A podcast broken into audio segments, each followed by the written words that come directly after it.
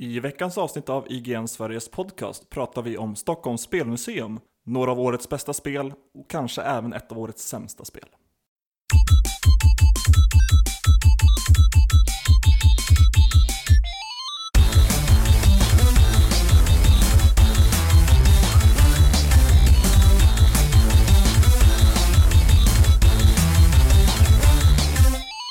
Välkomna till IGN Sveriges podcast avsnitt nummer 140. Jag heter Viktor Sjöström, Och jag heter David Grundström. som vanligt. Vi eh, befinner oss idag på eh, samma, samma ställe som vi har befunnit oss på sedan avsnitt 132. Om vi backar bandet lite. Avsnitt 131, det var det sista med Per Landin. Eh, hej Per, om du lyssnar på detta. Eh, sen blev det ett litet glapp däremellan när vi eh, ja, tog en liten paus och utvärderade oss där. Ja, precis. Och du skulle till Japan och ni skulle bland annat byta kontor. Ja, jag tror att jag nämnde det i podcasten. Men vi bytte, vi byt- bytte upp oss, eller bytte, bytte ner oss i en källare, beroende på hur man ser på saken. Vi bytte kontor och en del av det här bytet har alltid varit att vi dessutom skulle starta ett museum. Eh, Reset Media gör annars speltidningar, men nu gör vi även museum. Kanske Precis. inte... Och det här kanske går att höra lite grann i bakgrunden, för maskinerna står igång. Eh, och det plockas nog upp lite grann av micken. Jag tror inte det är jättemycket, men eh, tillräckligt. För Mm. att man ska få den här lite arkadiga känslan. Ja. Om ni skulle höra någon slags eh, Street Fighter 2-slinga Om och om igen. så, så är det därför. Vi, eh, ja, när du lyssnar på den här podcasten så är det väl förmodligen fredag eller framåt. Och museet har då varit öppet i minst en dag. Öppnade, öppnade öppnar på torsdag. Den första september. Exakt. Men vi hade en liten, en liten invigningsfest där vi båda var Ja, igår, i- tisdag. igår tisdag, eller i för, för, förrgår, om man lyssnar på fredag. Mm. I tisdags i alla fall. Mm. Eh, det var ju kul. Ja, det är lite branschmänniskor och lite Nära eh, släkt, släkt och vänner och sådär. Um, ja, det finns ju en tanke med, med spelmuseet. Jag, om, om man börjar, börjar i, din, i din ände, vad, vad tyckte du om museet? Eh, det är svårt att vara opartisk på något sätt, för jag har ändå sett det här byggas från, från början. eh, Precis, vi har ju spelat in podcasten i museets lokaler. Ja. Eh, och det är, vad är det, tre, fyra, fem rum blir det väl egentligen. Och kök. Precis, men eh, tre rum där det är, eller fyra rum med spel. Mm. Det är Eh. li, lite flytande här. Alltså, Ja. räknar man en hall som ett rum, räknar man en korridor som ett rum. Det vi Ja. sitter i just nu, det är någon... eh, Ja, är det ett rum? Eller det är lite, lite öppen, öppen planlösning i, en källare på något sätt. Ja, nej, ja. Svår, svårdefinierad lokal. Ja. Ganska speciell källarlokal i alla fall.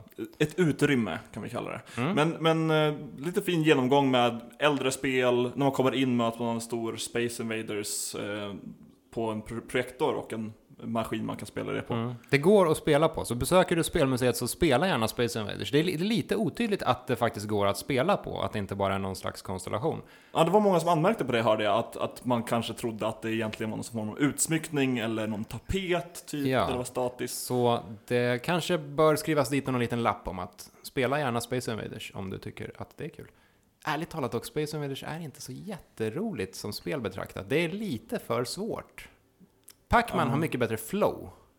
Även, Absolut. även Donkey Kong, om man jämför med liknande spel Fast, från fast det är samma väl era. lite längre fram än Space Invaders. Ja, ja, men ja, Space Invaders det är, det är lite trubbigt på något sätt. Ja, Det, det, det är ju ikoniskt mer än det är bra, känner jag. Ja. Tanken i alla fall med museet är att man ska vandra sig fram genom spelhistorien från dåtiden, rymdåldern, när spelen var svartvita och utspelade sig i rymden och så Genom bärbara rummet, eller hallen. ja, bärbara som hamnar i en hall som sagt. Så hamnar man i 8-16 bits eran så kommer man in i 3D-eran och så slutar man i framtiden där ja, dels framtidens, alltså icke släppta spel ska kunna visas upp. Ja. Och exakt vilka spel det är, det varierar ju lite. Det ska kunna by- bytas ut. Men sen även VR då. Mm. Så man kan spela Vive och fjanta runt i VR.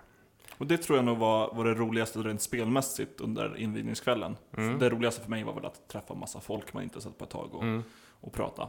Mm. Men, men eh, en Vive och vad hette det målarspelet? Eh, Tilt Brush. Tilt Brush, det var kul. Jag gjorde upp och nervända kors som brann. Ja, och skrev 666 Ja, och ritade ett stort... Eh, ana- anarkistmärke. ja, ja, det var, det var nog förmodligen det som Tilt Brush-skaparna hade tänkt sig när, när de skapade. Ja. Vad tyckte du om Vive?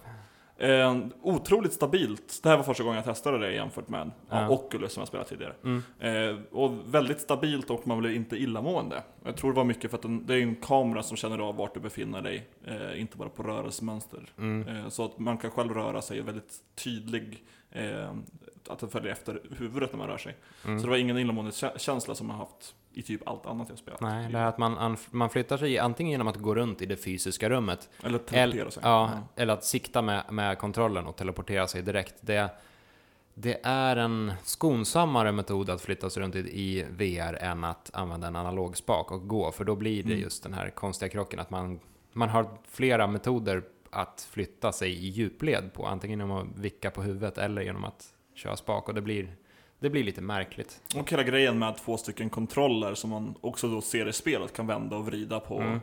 Eh, ha dem där. Det, Ja, det Vive-kontrollerna är väldigt bra. Verkligen. Det tycker jag. Ehm, nu, nu hamnar vi lite på, på en avstickare här. Vive har väl egentligen inte... Ja, vi, vi får ta något separat VR-avsnitt kanske, känner jag. Ja, när, Om vi- när vi har köpt alla VR-maskiner. Ja, precis. Ja. Kanske lagom till Playstation VR i oktober då. Det låter rimligt. Ja. Men överlag, hur känner du med eh, spelmuseet? Är du nöjd med, med lanseringen som är på gång nu? Är det Eh. nervöst eller känns det tryggt? Alltså, den, spelmuseet har ju funnits i, i våra bak... Alltså i, i, i våra bak... Nu, nu låter det Hoho! Nej, men oj, hoppsan. I våra bakhuvuden sen eh, ja, men typ årsskiftet. Den första idén dök väl lite luddigt upp någon gång i november tror jag att det var. Och sen har vi hela tiden haft, alltså redan innan vi skaffade den här lokalen, eller flyttade hit, så har det ju tanken varit att vi ska, ska Kom, bygga ett Kommer museum. ihåg att ni jobbade på ett, eller, ja men ni jobbade på någon stor karta med så här spelens ursprung typ. Det var Space Invaders som började, Mm. och sen grenade Mm. av sig till massa alla, andra olika Ja, genrer och vad som inspirerat vad. Ja. Har det på något sätt någon koppling till det, Det- här, att det ska finnas på någon vägg någonstans? ja det, var, det är en av idéerna som, som vi brann väldigt starkt för och ville ha med i museet, men som vi helt enkelt vi- Framåt sista tiden så insåg vi att vi kommer inte lyckas hinna klart med det här i tid till öppningen. Om, om, vi, om vi stressar fram det till öppningen så kommer det inte bli så bra som vi vill. Ja. Så vi skjuter på det lite. Men det, det var helt enkelt tänkt, eller det är tänkt att vara en, en stor karta över hur alla spelgenrer och spel hänger ihop. Och det är en, det är en omöjlig uppgift nästan per definition. Någon kommer Men- ju bli arg hur man än gör det. Ja, och man får begränsa ner det. Eh, Men det är en, en sak som, som kommer att eh, på ett eller annat sätt eh, läggas in i framtiden. Och det, fin, alltså det finns ju redan massor med idéer på hur, hur man skulle kunna göra en 2.0-version av det här Ja. museet. Men så hur känns det då? Känns det bra? Ja, det, eh, när vi spelar in det här, då har vi bara haft den här invigningsfesten för Mm. släktingar, vänner, eh, branschkollegor och eh, särskilda människor. Det låter Det väldigt in. elitistiskt där. Nej, men det har ju varit lite av en branschtillställning, så vi har ändå inte sett hur allmänheten tar emot det, och det Mm. vet man ju inte. Jag tycker att det är väldigt trevligt att det finns ett sånt här ställe. Det Ja. jag, jag blir alltid glad om, om folk i allmänhet satsar på tv-spel. Så vi får hoppas att, eh, att eh, folket också tycker det. Ja, och... eh, Kom ni- gärna hit. Precis, ni poddlyssnare får ju jättegärna komma förbi museet och titta. Det är fint. Då kan ni, kan ni sitta i samma rum som vi sitter när vi spelar in den här podcasten. Och rita Och pra, prata om ungefär samma saker. Eh, precis. Känns ungefär som att, som att vara med i podcasten. Ja. Har vi reklamat klart nu? Nej, inte riktigt. Men ska vi fortsätta med avsnittet kanske? Ja, det är väl bara att köra på. Vi eh, ehm, ska väl försöka dra in Tobias i den här podcasten, alltså Tobias Bjarneby, Mm. eh, i podcasten i framtiden. Just nu, i och med att vi spelar in på onsdag kväll och museet öppnar för allmänheten imorgon, så är det alldeles för mycket att göra med museet. Ja, än. det hade varit för många intervjuer idag bland annat. Så man förstår ju att det, det är Ja, mycket. men vi, eh, vi försöker fiska in honom i eh, ett kommande avsnitt och Ja, prata lite om museum. Eh, men tills dess så har vi fått en kommentar från Edgar Allan Poe Mm. angående Som, vår... som jag var lite kort mot förra eh, avsnittet. Ja, sluta vara elak mot våra lyssnare. Ja, Eh, Edgar skrev i alla fall så här. förlåt. Ledsen för svammel. Vad jag försöker säga är att Zelda verkar ovanligt systemdrivet. Det Mm. finns en mängd system som interagerar med varandra och kan utnyttjas kreativt till olika ändamål, som att lösa pussel eller slåss. De Mm. flesta andra open world-spel lutar sig mer på statisk content som story och quest med specifika lösningar. Det var ju en bättre förklaring på varför det... Mm. Ledsen för att jag sa någonting om att det var svammel. Jag kommer inte ihåg vad jag sa, men det, jag har känt mig elak sedan dess. Jag tror att vi bara försvarade att andra spel var, var, var min, inte var statiska. Mm. Eh, en, en intressant grej med, med eh, Breath of the Wild är ju att det är fysik. Och det, det, det har man märkt på trailers som har dykt upp efter det, att det är ganska fysik eh, baserat på ett sätt som Zelda-spel, eller Nintendo-spel överhuvudtaget inte brukar vara. Ja. Man brukar väl inte våga släppa loss spelare med knasig fysik på det sättet. Men här kan, det är någon magnet, eh, är det magnethandske tror jag man använder för att lyfta tunga metallbjälkar och plattor och så. ja, precis. Någonting sådant. Det, det vet du bättre än mig som har spelat det. Mm. Men ja. Jag fick inte leka med dem, dock. Ah, okej. Jag förstår. Mm. Så ja, jag vet inte var vi var på väg med den kommentaren, men ja, Men nu är den uppläst. jajamän.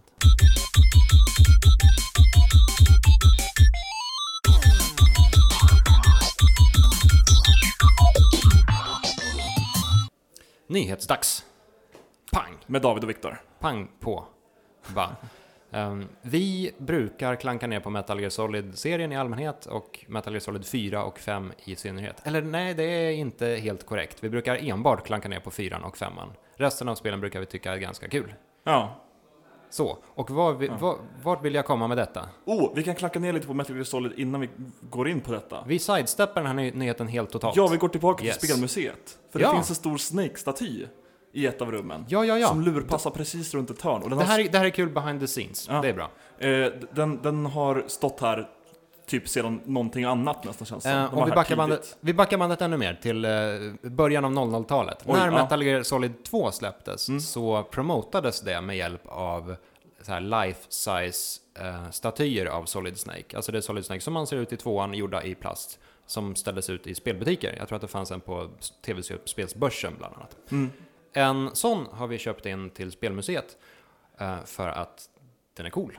Och eh, Metal Gear Solid 2 är väl ett coolt spel. Den står i ett hörn. Nu lämnar jag över bollen till David Grundström. Ja precis, den har stått i det här hörnet precis när man går runt och alltid när man är här och det har byggts upp något nytt så, så kan Viktor gå runt och vilja visa så, ja, men här är eh, framtidsrummet och hur långt vi har kommit med det. Och då kommer man runt i det här hörnet så står det en, en alltså, mänsklig höjd och det är lite mörkt och nersläckt och han har en pistol. Och man ha, hinner ha den här 0,1 sekunder av skräck innan man fattar att ja, det är den där jävla statyn igen. Ja, vi har... Ja, Ja, för, förlåt. Precis, och den- har ju flyttats fram lite grann nu, men jag blev lik förbannat skrämd nu i tisdags när jag var här och då var, satt och kollade på en Uncharted-demo som gick på eh, Uncharted 4 Making of eh, Ja, video. ja, Eh, sitter och lyssnar med, mig- med hörlurarna, hänger av dem och vänder mig om. Och vem står där om inte Snake? Tittar mig rakt i ansiktet. Alltid med den där kalla, döda blicken. Och pistolen i högsta hugg. Ja, vi brukar ofta spela in podcasten på kvällar också. Ja, Eh, så det är lite, lite halvt planet. nersläckt, ofta ensamma eh, och det är ju det är en källarlokal vi sitter i. Eh, så det är inte världens bästa förutsättningar att eh, upptäcka mystiska män bakom hörn i. Eh, och den här, den här Solid Snake-gubben, han har ju skrämt upp eh, ja, men typ vår elektriker också som har varit här och dragit eluttag och kablar och grejer. Så Men han, det är verkligen fel hörn att placera den i. ja, Ja. han eh, höll ju på att avsäga sig hela uppdraget. Så kan det gå om man heter Snake. Då Precis. jagar man upp folk. Och just det, angående Metal Gear Solid. Ja, då backar, då backar vi inte. Då Backar vi framåt? spolar vi fram bandet Back to istället. the... You, nej. Gasen i botten in i Metal Gear Solid 5 istället, som inte är lika bra som tvåan. Men det har vi avhandlat många gånger. I alla fall, nyheten är att det nu kommer en ehm, definitiv version av spelet. Definitive experience. Ja, det är kanske så man sammanfattar Metal Gear Solid 5 på något sätt. Det här, alltså det är ju helt enkelt i grund och botten um, Ground Zeroes och The Phantom Pain som har bandlats ihop. Mm. Tillsammans med eventuellt extra material som kan komma. Ja, ska jag vara ärlig så förlorade jag helt och hållet intresset av för Metal Gear Solid 5 sekunden jag insåg hur dåligt slutet var. Så sen dess har jag i princip kört en media blackout för allt vad det spelet. Ja. Jag vet, jag, jag, Ändå kommer vi alltid tillbaka till Metal Gear. ja, absolut. Men på något sätt så, jag, ty, jag kan fortfarande stå för mitt väldigt höga betyg av Metal Gear Solid 5, för att det var Mm. så himla kul att spela. Ja, spelmässigt så är det briljant, det är det. Ehm, men eh, gameplay är inte allt i Metal Gear-världen. Nej. Storyn är helt bananas. Förresten, förra veckan när vi gästades av Kajsa, Mm. snackade vi om Metal Gear Survive? Jo, det gjorde vi. Ja, det gjorde vi. Det var, var ju bland annat inledningen på vår dumma fråga med hur ska Konami jävlas med Kojima härnäst? ja just det. Det ser inte heller bra ut. Men det har vi pratat om. Ja, egentligen har vi sagt det mesta som går att säga om Metal Gear, men vi säger det om och om igen. Precis. Lite som Kojima själv kanske. Vi kanske kan spekulera lite grann här. Det har kommit några rykten nu ytterligare om Nintendo NX. Vi byter alltså nyhetsspår helt igen. Ja, Ett, ett, ett kast åt andra hållet. Precis. Tvära kast. Om inte du hade något mer att säga om Metal Gear. Nej, eh, mest att jag förmodligen inte kommer köpa den här versionen för att jag tycker slutet suger. Nej, jag har The Phantom Pain och Ground Zeroes redan. Så jag kommer inte heller köpa det. Nej, Men Nintendo NX, det kanske jag kommer köpa. Vem vet? då så. Eh, det kommer ju rykten till och från och Nintendo har inte berättat någonting riktigt ännu. De kommer ha en, en Nintendo Direct snart, men de har gått ut redan innan och sagt att det kommer inte vara en NX, det kommer vara fokus på 3DS. Ja, får se nu. Vad blir det? Vi spelar in på onsdagen. Är det imorgon, torsdag, de ska hålla direkten? Kanske. Ja, före eller efter den här podcasten? Någon gång i tiden. Yes. För Sverige i tiden. Där har vi den. Precis. Eh, rykten här då är mer omkring, eh, det bekräftar tid, saker som har sagts tidigare, men det är alltså rykten som bekräftar rykten Mm. eh, om hur konsolen slash kontrollen kommer se ut. Och det är Mm. någon form av skärm med avtagbara kontroller. Mm. Eh, där du har, ja men lite som, som eh, Wiimoten och eh, Nunchucken. Precis, att man har, man har halva kontrollen i ena handen och den andra halvan i den andra. Precis, en med styrspak och ett eh, styrkors och en med styrspak och fyra knappar. Och sen är det några axelknappar där också. Mm. Som man kan sätta fast på en skärm. Men det har även kommit då, eh, eller ryktats om eh, storleken på det här. Och det ska vara att där den är ihopfälld, för det verkar vara en, en dual screen här, så är den lite tjockare än New Nintendo 3DS XL. Vilket inte är så tjockt. Nej precis, så runt 2,5 cm är det. Mm. Eh, den ska vara 28 cm bred med, när man har på de här avtagbara kontrollerna. Mm. Och 9 cm hög. Inte jättestor eh, konsol slash kontroll med andra ord. Och det är- ska då i så fall vara den här, som man snackat om länge, bärbar slash stationär hybrid tjosan. Inte riktigt det ena, inte riktigt det andra. Om du befinner dig på en tunnelbana medan du lyssnar på den här podcasten och råkar ha på dig en tumstock eller måttband så kan du jättegärna måtta upp i luften framför dig lite, ungefär hur, hur mycket de här 28 centimeterna motsvarar. Sen om du vill ha det lite extra roligt så spänner du samtidigt blicken i personen som sitter framför dig. Så ser vi vad som händer. Lämna en kommentar på denna situation. Gestikulerar därefter. stort och tittar in i främlingars ögon.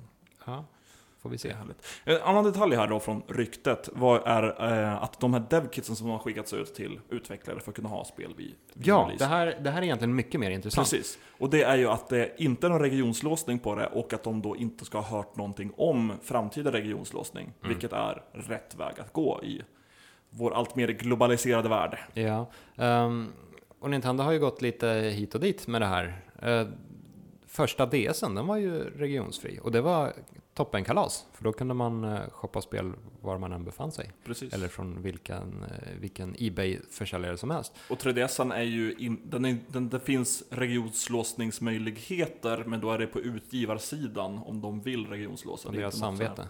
Precis. Mm. Och det är inte så många som gör det om jag förstår rätt. Mm. Hoppas på en regionslåsning där. Eh, jag är fortfarande kluven inför NX. Och det här, det här kommer väl fortgå fram till dess att Nintendo presenterar den, eller kanske till och med tills de släpper den. Å ena sidan så man vill ju gärna ha den här stationära Nintendo. Jag, jag skulle jättegärna vilja ha ett Metroid Prime 4 till ett stationärt, eh, till Mm. en stationär Nintendo till exempel. Men å andra sidan, om de kan fokusera all sin spelutveckling på en enda maskin så att man, ja, den här generationen då hade fått alla Wii U-spel, eller alla, de få Wii U-spelen man hade, men även alla 3DS-spel och sen bara tjoff in i ett enda format. Det hade ju blivit en, ett mycket fetare spelbibliotek Ja. av det hela. Det, det jag fortsätter att vara lite kluven kring när det gäller Nintendo och hur de hanterar konsoler idag, främst Mm. stationära, det är att det alltid måste vara något speciellt som gör Mm. att det inte enkelt går att köra någon form av cross-platform.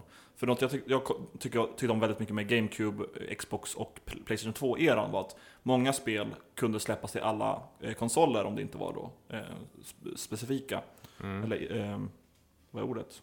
Exklusiva Ja. var ordet. Ehm, och att man, ja, men jag, jag kunde ha bara mitt GameCube, jag kunde ändå spela Beyond Good and Evil och jag kunde spela, ehm, nu kommer jag inte på några, Burnout. Ja precis.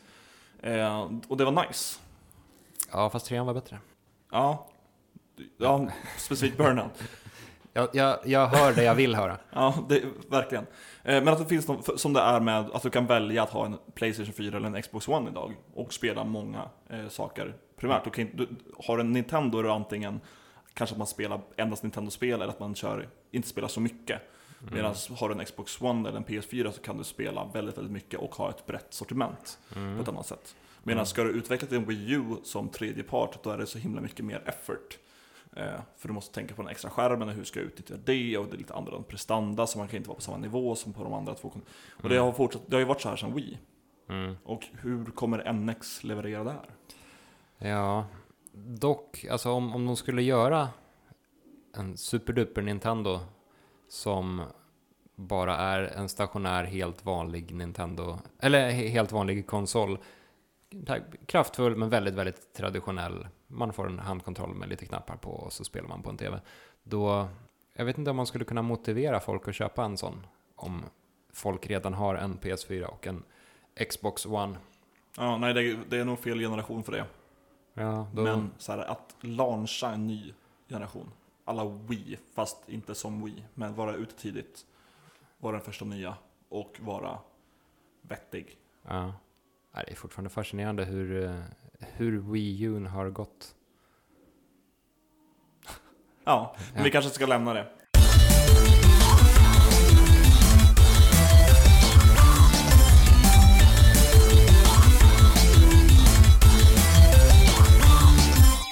Veckans dumma fråga. Och det här är ju ett M, eller en sektion i vår podcast som blir, jag skulle inte säga smartare och smartare, men i alla fall odummare och odummare. Det blir mer en fråga. Ja, det blir en fråga snarare än en dum fråga.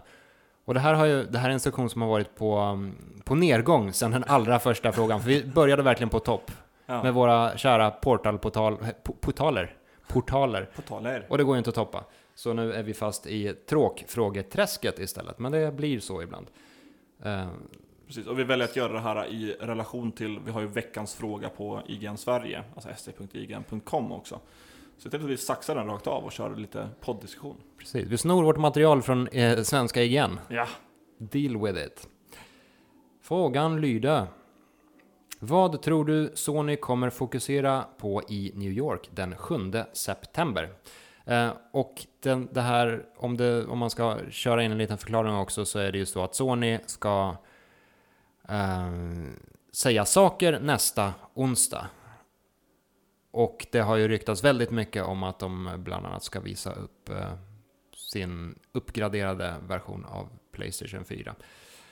Vi har lite alternativ här. Vad tror du de kommer visa upp? Kommer de, eller vad kommer de fokusera? Kommer de fokusera på Playstation VR, Playstation Neo, det vill säga den nya versionen, Playstation Now eller någonting helt annat? Precis, och det här går jag in och rösta på på sidan om man vill vara med i vår poll. Gör det, om, om du vill vara med i gemenskapen. Ja, jag, jag tror absolut på Neo eller Slim eller 4,5. Mm. Det har ju läckt lite bilder på hur en sån skulle kunna tänkas se ut. Mm. Eh, inte jättefint tycker jag. Mm. Mm, men... Har du läckt bilder på den alltså? Ja, Jag såg, det- bilder, jag såg bilder på Slim-versionen, men För den, den, Okej, ja, nej, då kanske jag blandar ihop de två. den påminner väl kanske lite, lite, lite mer om en Apple TV än vad eh, Den or, original PS4 gjorde. Utan Precis. att för den skulle se speciellt mycket ut som en Apple TV. Det här var ingen bra beskrivning av en slim-konsol. Den är liten och ganska platt. Ja. Eh. Okej, nej men då, då har det inte läckt någonting. Var, det var nog den- den jag tänkte på. Så jag tar tillbaka det. Men jag tänker fortsätta tro på Neo. I och med att vi har fått eh, Xbox One Ja. eh, framtiden där, Morpheus Mm. på E3. Eh, jag tror att det blir någon slags ehm, kombination. Jag, alltså, jag tror att de kommer snacka om Playstation 4,5 eller Playstation Neo eller Mm. Super Playstation 4 eller vad det nu kommer heta. Men de kommer sälja in den med hjälp av VR. Det, det känns som Ja. att de, de går väldigt lätt hand i hand. Ja, precis. Här- Lite starkare så du kan köra VR-spel lite Ja. bättre. Så här, nu inför oktober, i oktober ska vi släppa eh, VR eh, och eh, vill du ha den ultimata VR-upplevelsen så får du jättegärna köpa en, eh, en Neo Bundle tillsammans med Playstation VR. Det kostar dig enbart Din själ. 799 Något sånt. Euro. Dollar. Kanske. Kanske, kanske. Jag tror på det. Ja. Jag på den- tror på den, ehm, den, den kombinationen.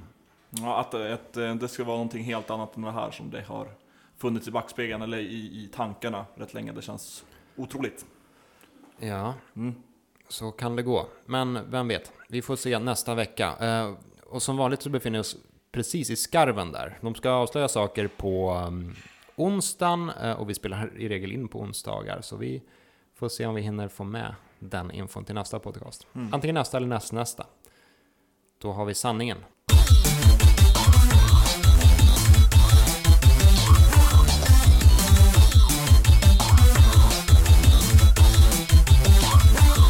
Spelat med David och Viktor. Den här, den här sektionen har heller ingen bra inledning. Nej. Det blir så ibland. Förra veckan så pratade i alla fall jag om Deus Ex Mm. väldigt mycket. Vi, Jag, har, vi, har, vi har återkommit till Deus Ex flera gånger. ja, verkligen. Men det har varit ett pepp för mig, Mhm. vill jag Ja. påstå. Och Ja. jag, är inte klar med att prata om det ännu. Jag Nej. har, eh, när vi spelade in förra gången så hade jag kört igenom min, vad ska jag kalla det, recensionsrunda. Jag hade en deadline och jag ville ha, uppleva så mycket som möjligt av spelet. Så jag dödade lite, jag smög lite obemärkt, jag var lite aggressiv och testade gränserna till höger och vänster. Mhm. Men nu har jag spelat, eh, nu är jag på min tredje genomspelning. Min andra genomspelning där var en no-kill-runda. Försöka även att list, eh, lyckas utan att trigga ett alarm.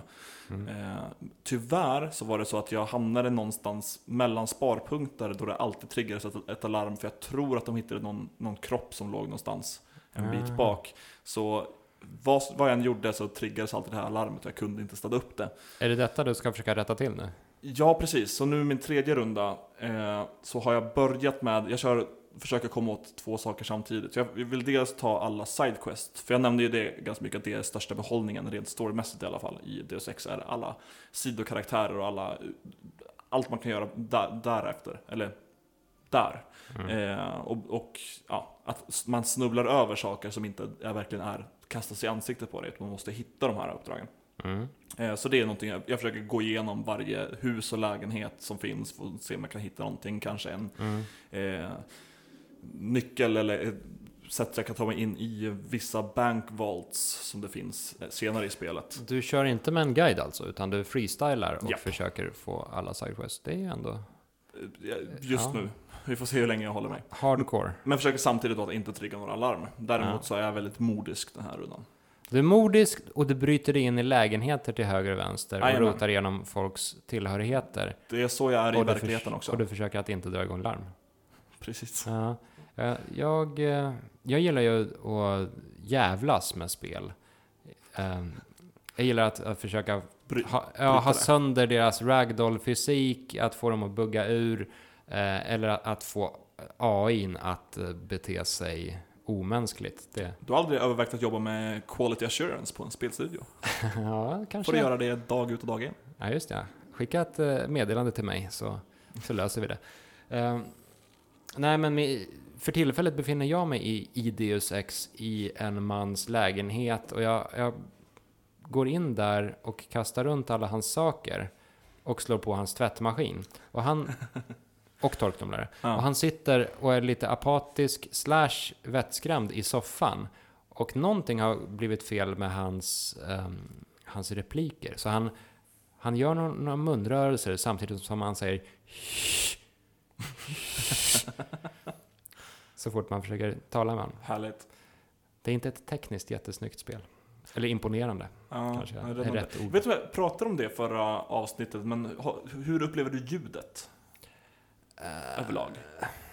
jag, har, jag har nog spelat för lite för att uppleva ljudet varken till eller Ja. från. Jag gillar musiken, kompositionerna, Ja. men så här, ljudmixningen har jag inte riktigt fått något grepp om. Det, det är alltså, så här, ljudet i helhet, bland annat musiken som jag tänker på. För att eh, i början när man spelar, startar spelet så får man välja, eller varje gång du startar spelet, får du välja om du vill se en 12 minuters video som går igenom vad som hände i eh, Human Re- Revolution, det tidigare spelet. Mm. Eh, och när jag startade den här, redan då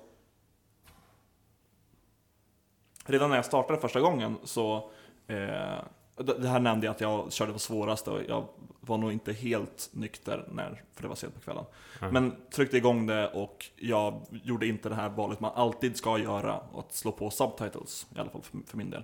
Ja, jag älskar subtitles. Ja, så jag hade inga subtitles och musiken går igång och det är jättehögt och överröstar dialogen så jag inte hör vad som sägs vid vissa tillfällen. Ja. Eh, och det här, jag så här, har sänkt två, tre gånger musiken för att det ska passa mig på något Mm. sätt. Och jag upplevde mycket sånt med ljudet, att det är väldigt högt när det står, eh, när det borde vara att det är högt när det står nära någon, men att det dämpas, så är det eh, att det snarare går på eller av. Det är en väldigt kort kurva som det dämpas. Så Okej. man kan hamna mellan två konversationer som nästan står och skriker i örat på dig om det är mellan två par som pratar. Mm. Eh, I allra värsta fall, då kan man ju få en person att prata i munnen med sig själv. Ja, inte just i Deus Ex, men i, så här, i spel av den sämre skolan.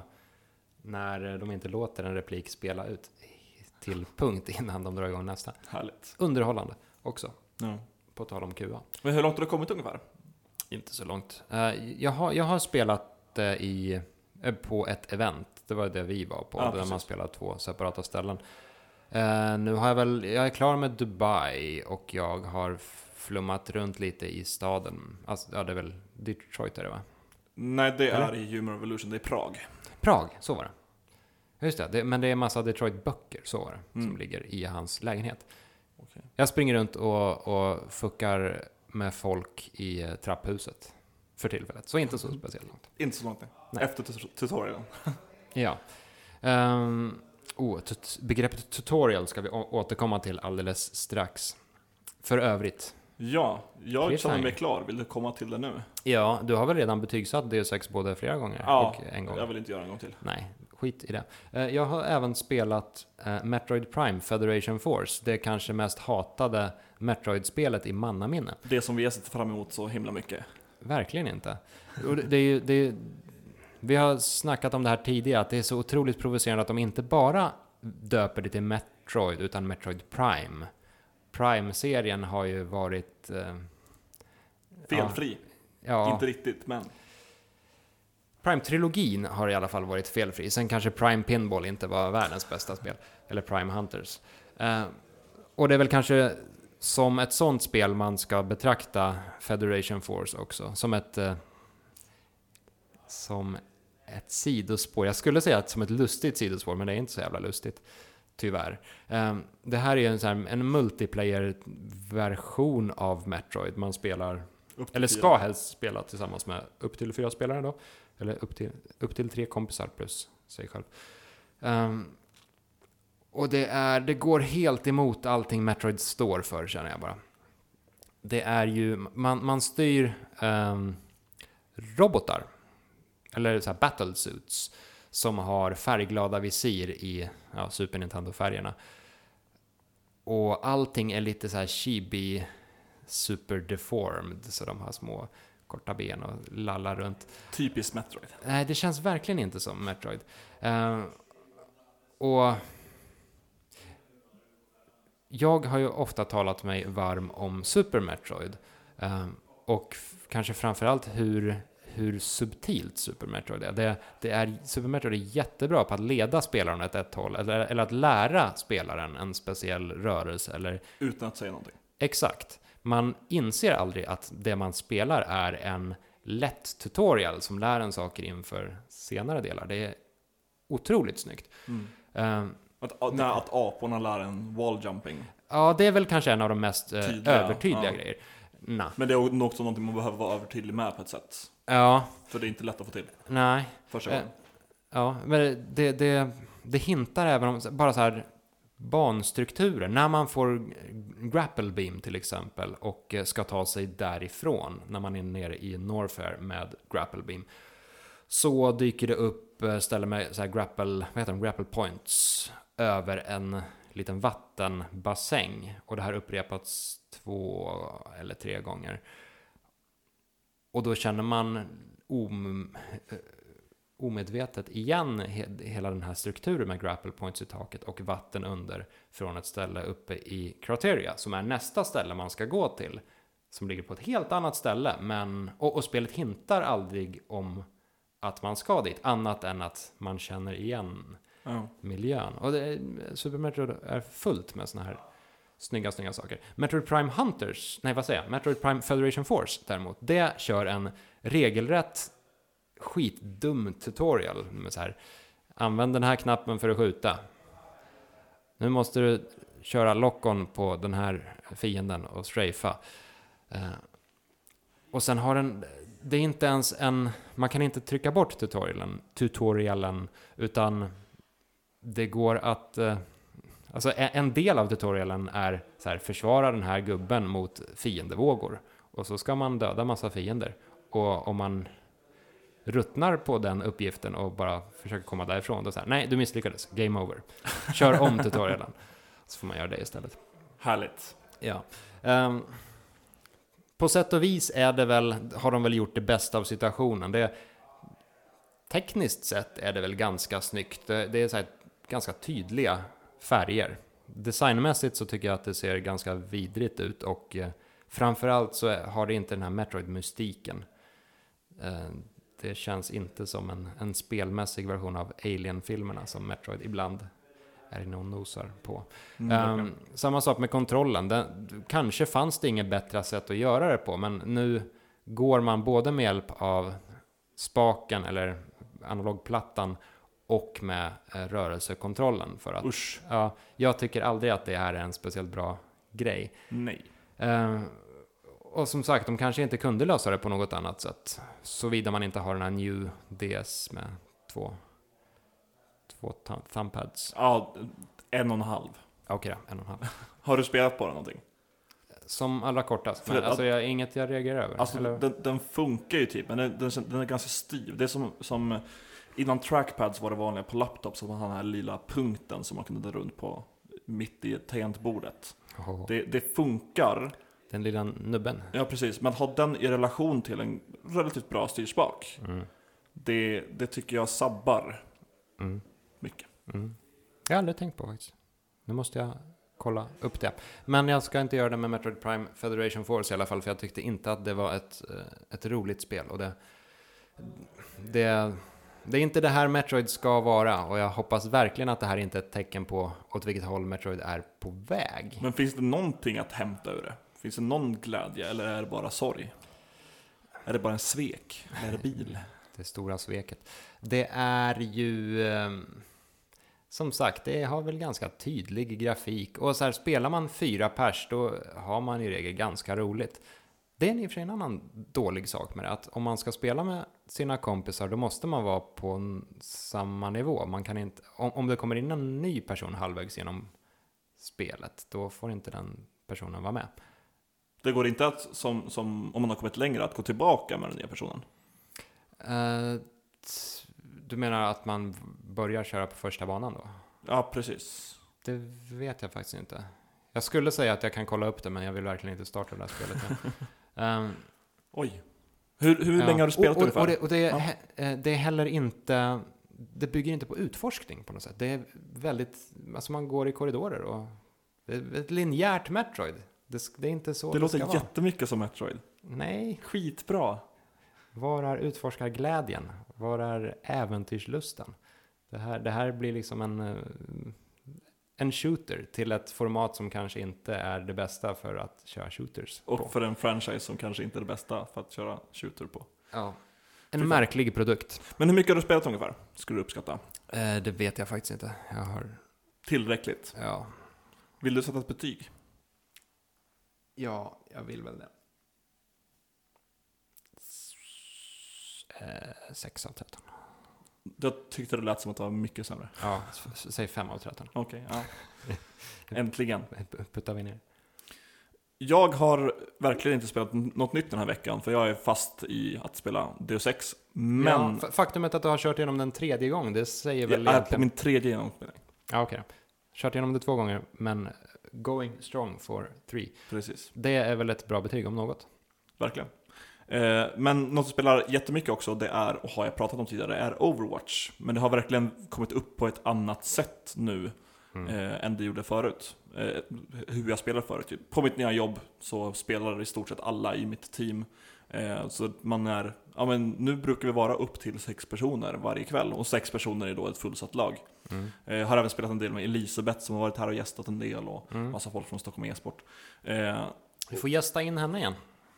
Det tycker jag verkligen. Jag har faktiskt snackat med henne om det. Ja, Det, det får vi ordna. bra, bra. Precis. Kan vi snacka mer Overwatch?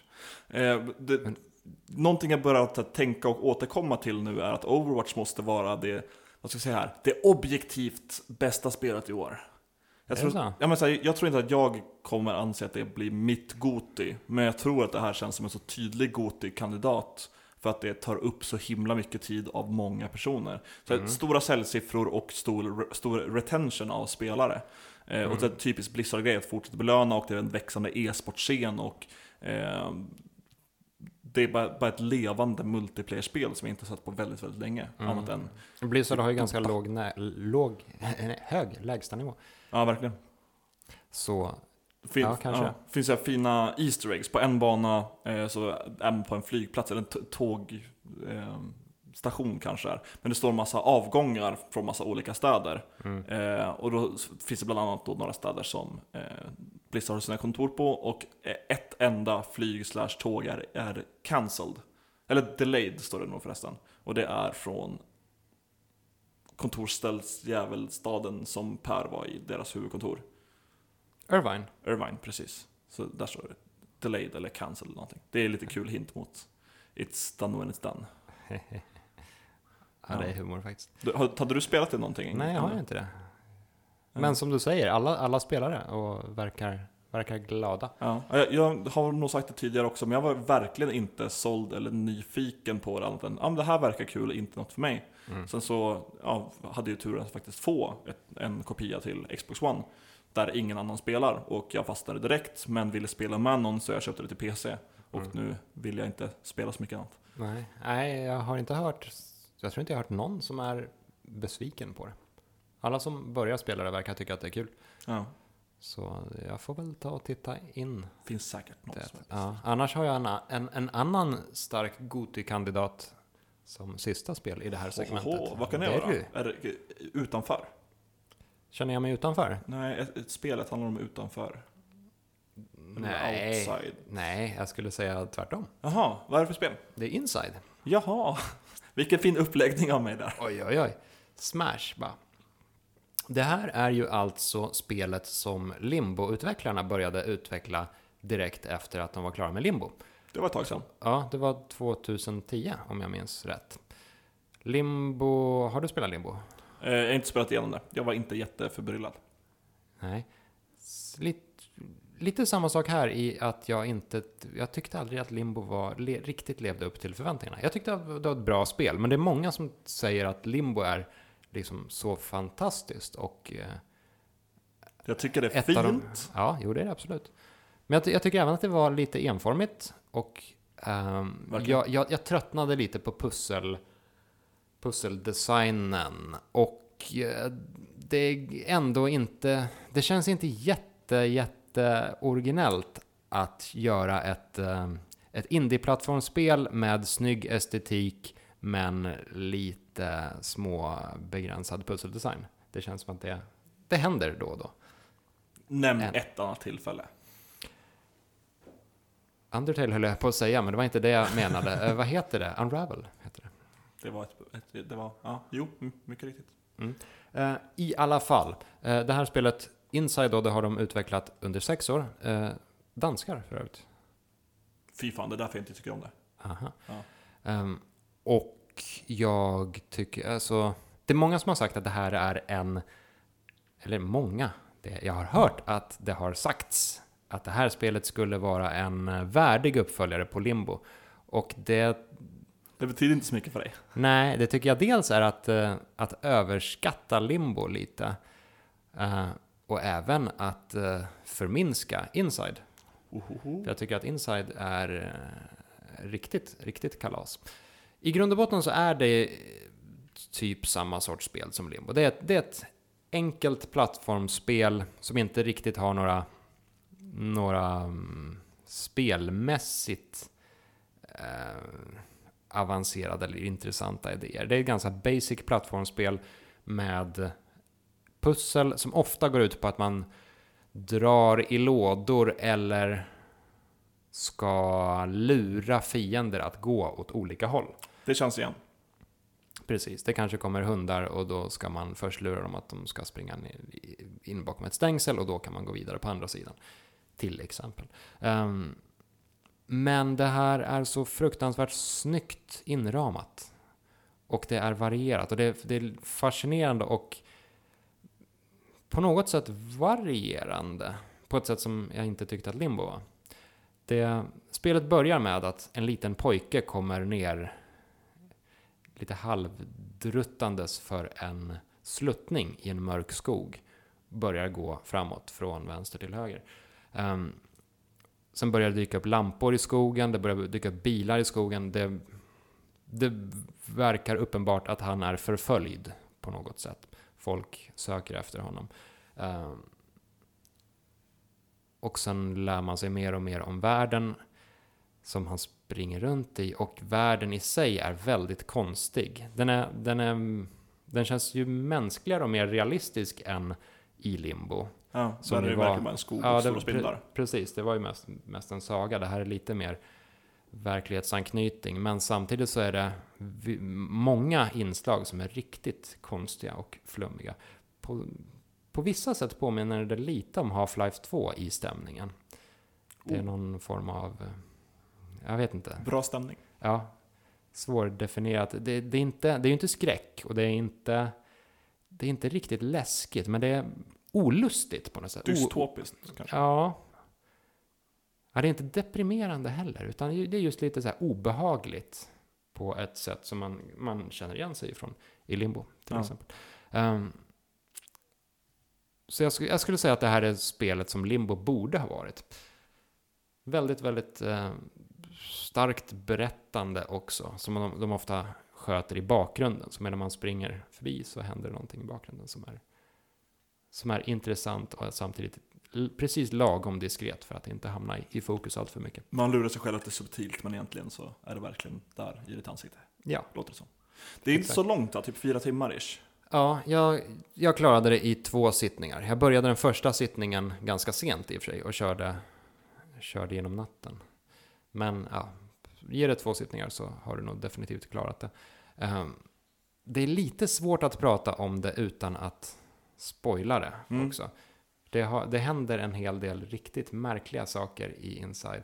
Eh, och många av de ögonblicken, där sitter man ju verkligen och säger för sig själv att vad är det som händer? Eller här, det, det, här är, det här är inte bra. Oj. Ja, nej jag är verkligen sugen på att spela det. Vi Mm. gav ju på IGN Sverige, eh, gav vi det 10 av 10 till och med. Eh, Aron som recenserade, han är, han är bra på ljudtior. Mm. Om du lyssnar nu Aron så vet du att vi har pratat om det här. Ja, vi får dra in honom i podcasten. Ja, Så får han Verkligen. prata, prata om betyg. om, om sina tior. Vi, Aron och tiorna, det kan vara avsnittsnamnet. Mm. Det blir Ja, skitbra. det, det är inte dumt. Det är inte dumt alls. Ehm, som sagt, jag, jag, vill, jag vill helst inte... Det är många av sakerna som gör Inside... Många av de bästa ögonblicken i Inside, de ska man helst inte um, snacka om. Nej. Ehm, men det kostar, jag tror att det är 179 kronor. Och det är värt varenda krona. Jag tycker att det är riktigt, riktigt, riktigt bra. Vad finns det på för plattformar? Är det PS4 exklusivt eller är det alla? Nej, det finns på eh, X... Det kom först på Xbox One har jag för mig. Okej. Sen till PS4. Jag tror att det finns på PC också. Nice, det var lite det jag var ute efter, jag kunde spela på PC. Eh, möjligtvis att pusslen blir lite långsökta ibland. Alltså, det har inte en ständig framåtrörelse, utan ibland eh, pausar man upp och förstår inte riktigt hur man ska gå vidare. Ehm, och det, det är väl både en styrka och en svaghet. Pussel som man måste klura på, det kan vara nice på sätt och vis, men det bromsar samtidigt upp spelet lite. Ja. Eh, Så det är väl egentligen det enda jag har emot spelet. Så det är väl en stark tolva från mig till Inside. Och det, jag skulle säga att det nog förmodligen är det bästa jag har spelat hittills i år. Fast du har inte spelat Overwatch. Nej, det har jag inte. Men du har inte spelat Inside. Det har jag inte. Så, Så, känner vi oss klara? ja, det är väl inte mycket mer att prata om idag. Nej, Så Verkligen så inte. så dag. Så vill du prata med oss eller lämna en kommentar på det här avsnittet kan du göra det på inlägget som finns på se.ign.com. Du kan också skriva en kommentar till oss på Facebook, där heter vi IGN Sverige, eller på våran Twitter, där vi heter IGN Sverige. Jag och Viktor finns självfallet även privat på Twitter, där jag heter at Aidspring. jag heter att Viktor underscore Ljungström. Det blir bättre och bättre varje gång. Och du får som vanligt jättegärna lämna en recension på iTunes. Det hjälper oss att klättra i, jag vet inte, det ska vara kul. Känner vi jag. når toppen med hjälp av det, Er. det vi tillsammans bygger. Ja, Nej, tillsammans är vi starka. bra. Där. Syns nästa. Hej hej.